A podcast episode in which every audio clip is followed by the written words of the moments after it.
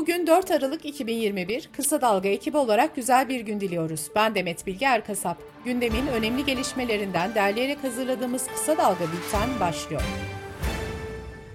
Türkiye İstatistik Kurumu dün enflasyon verileri açıkladı. CHP Genel Başkanı Kemal Kılıçdaroğlu verilerin açıklanmasından sonra Twitter'dan bir açıklama yaparak TÜİK'ten randevu istediğini ve saat 11'de kuruma gideceğini söyledi.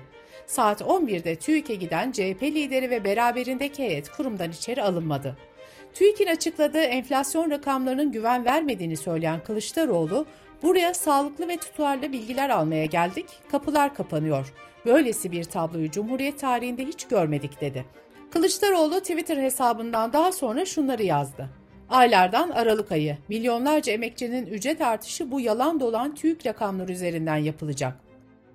Her firavunun bir Musa'sı vardır, akıllarını başlarına toplasınlar. Türkiye İstatistik Kurumu'nun dün açıkladığı verilere bakalım. TÜİK'e göre tüketici fiyatlarındaki aylık artış %3.51 oldu.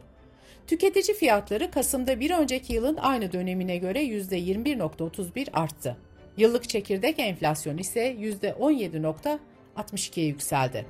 Bu arada yıllık tüketici enflasyonunda Kasım 2018'den bu yana en yüksek seviye kaydedildi. Ekonomistlerin bir araya gelerek oluşturduğu enflasyon araştırma grubu ise Kasım ayına ilişkin enflasyon oranlarını açıkladı. Buna göre Kasım ayında enflasyon %9.9 oranında arttı.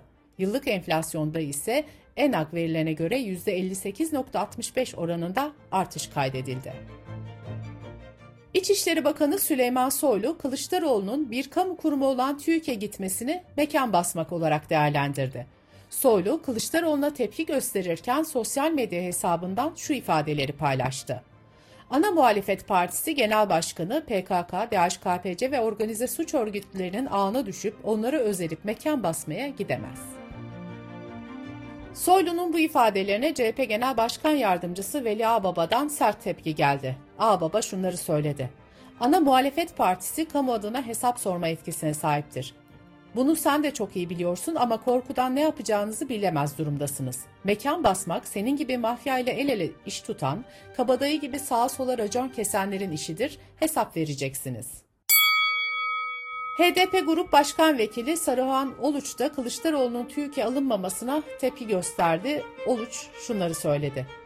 Ana Muhalefet Partisi Genel Başkanı TÜİK'e ziyarete gidiyor. Bundan doğal bir şey olamaz ama kapılar kapanıyor, içeri alınmıyor. Böyle bir rezalet görülmemiş bir şey. Saadet Partisi Genel Başkanı Temel Karamollaoğlu ise TÜİK'in yıllık enflasyon oranına itiraz etti. Karamollaoğlu sosyal medya paylaşımında gerçekte %60'lara yaklaşan yıllık enflasyonu %21.31 olarak açıklarken vicdanınızın yüzde kaçını kullandınız diye sordu. Anayasa Mahkemesi 16 Nisan 2017'deki anayasa değişikliği referandumunun ardından geçilen Cumhurbaşkanlığı hükümet sistemine uyum sağlanması amacıyla Başbakanlık, bakanlıklar ile kamu kurum ve kuruluşlarının teşkilatlarına son veren kanun hükmünde kararnamenin iptal talebini gündemine aldı. Yüksek Mahkeme 8 Aralık'ta 233 maddelik düzenlemenin anayasaya aykırı olup olmadığına karar verecek. Siirt'te cinsel saldırıda bulunduğu 18 yaşındaki İpek Er'in ölümüne neden olmaktan yargılanan eski uzman çavuş Musa Orhan'a 10 yıl hapis cezası verildi. Orhan'ın tutuklanma talebi ise reddedildi. Biyanet'ten Evrim Kepenek'in yerel ve ulusal gazetelerden, haber sitelerinden ve ajanslardan derlediği haberlere göre erkekler Kasım'da en az 34 kadını ve yanlarında bulunan iki erkeği öldürdü, iki kadına da tecavüz etti. Kadınların %47'si koca, sevgili gibi en yakınındaki erkekler tarafından öldürüldü. Milli Eğitim Şurası dün sona erdi. Milli Eğitim Bakanı Mahmut Özer'in katılımıyla genel kurulda 128 maddelik tavsiye kararı oylamayla geçti. Şurada okul öncesi eğitimde din ve değerler eğitiminin güçlendirilmesi de kabul edildi. Eğitim sendikaları ise böylece gizli gündemlerin ne olduğunu hep beraber görmüş olduk diyerek tepki gösterdi. Aydın'ın Söke ilçesinde Büyük Menderes Nehri'nin geçtiği Sarıkemer Mahallesi'ndeki taş köprüde biriken çöplerin menfezleri tıkamasıyla binlerce balık öldü. Covid-19 gelişmeleriyle bültenimize devam ediyoruz. Dünya Sağlık Örgütü Asya Pasifik Bölge Direktörü omikron varyantı nedeniyle Asya ülkelerini vaka artışları konusunda hazırlıklı olmaya çağırdı.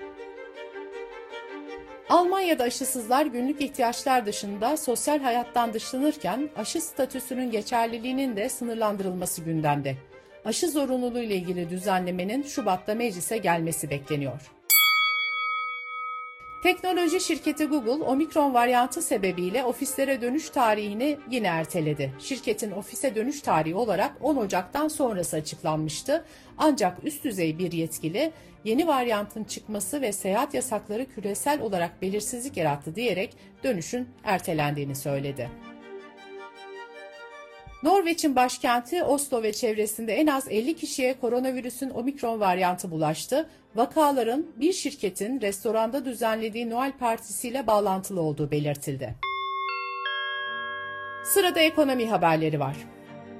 Dün sabah saatlerinde 13.65-13.70 bandında değerlenen dolar gün içinde 13.89 ile tüm zamanların en yüksek seviyesine ulaştı. Euro ise 15.70'e dayandı. Kurların zirveyi görmesinin ardından Merkez Bankası'ndan müdahale geldi. Müdahale ile birlikte dolarda %3'ü aşan aşağı yönlü hareketler görüldü. Merkez Bankası 1 Aralık'ta da kurlara müdahale etmiş, kurdaki düşme geçici olmuştu. Dün de dolar 15.50'nin altına indi ancak bir süre sonra tekrar 13.70'i geçti. Gün içinde de dalgalı bir seyir izledi. Enflasyon rakamlarının açıklanmasıyla Aralık ayı kira artış oranı da belli oldu. TÜFE'nin 12 aylık ortalaması baz alınarak belirlenen kira artış oranı Aralık ayı için %17.71 olarak açıklandı. BOTAŞ, büyük sanayi ve ticari kuruluş abone grupları ve elektrik üretimi amaçlı kullanılan doğalgaz tarifesine %20 oranında zam yaptı. Amerika merkezli derecelendirme kuruluşu Fitch, Türkiye'nin daha önce durağan olarak değerlendirdiği kredi notunun görünümünü düşürerek negatif olarak sınıflandırdı. Kuruluştan Perşembe günü yapılan açıklamada Türkiye'nin kredi notunun BB olarak teyit edildiği belirtildi.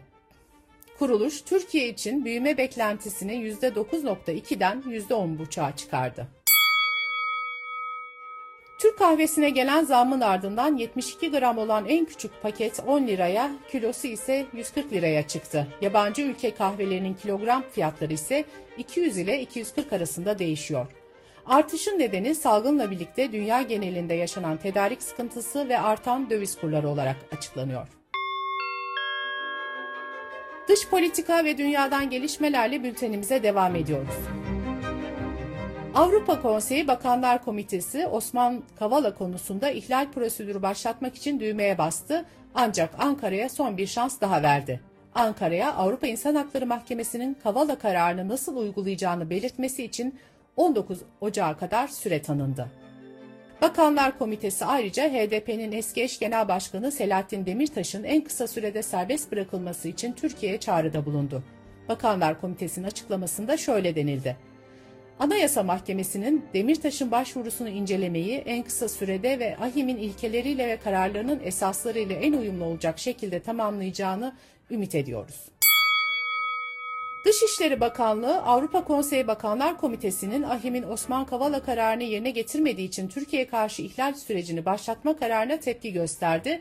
Açıklamada herkes bağımsız ve tarafsız mahkemelerce yürütülen yargı sürecine saygı ve güven duymalıdır denildi. Rusya ve Suriye askeri polis birlikleri İdlib'deki gerilimi azaltma bölgesi yakınında Halep vilayetinde ortak bir tatbikat yaptı. Suriye Askeri Polis Tabur Komutanı Halit Muhammed ilk kez böyle bir tatbikat düzenlendiğini söyledi. Bültenimizi kısa dalgadan bir öneriyle bitiriyoruz. Profesör Doktor İlhan Uzgel ve Doktor Mühtan Sağlam iki haftada bir cuma günleri dünyada ve Türkiye'de olan gelişmeleri, dış politikada yaşanan dönüşümü kısa dalgada Dünya Gündemi isimli programla ele alıyor. Uzgel ve Sağlam Dünya Gündemi'nin ilk bölümünde Amerika'nın Orta Doğu stratejisini anlatıyor. Kısa Dalga'nın YouTube kanalından izleyebilir, podcast platformlarından dinleyebilirsiniz. Gözünüz kulağınız bizde olsun. Kısa Dalga Medya.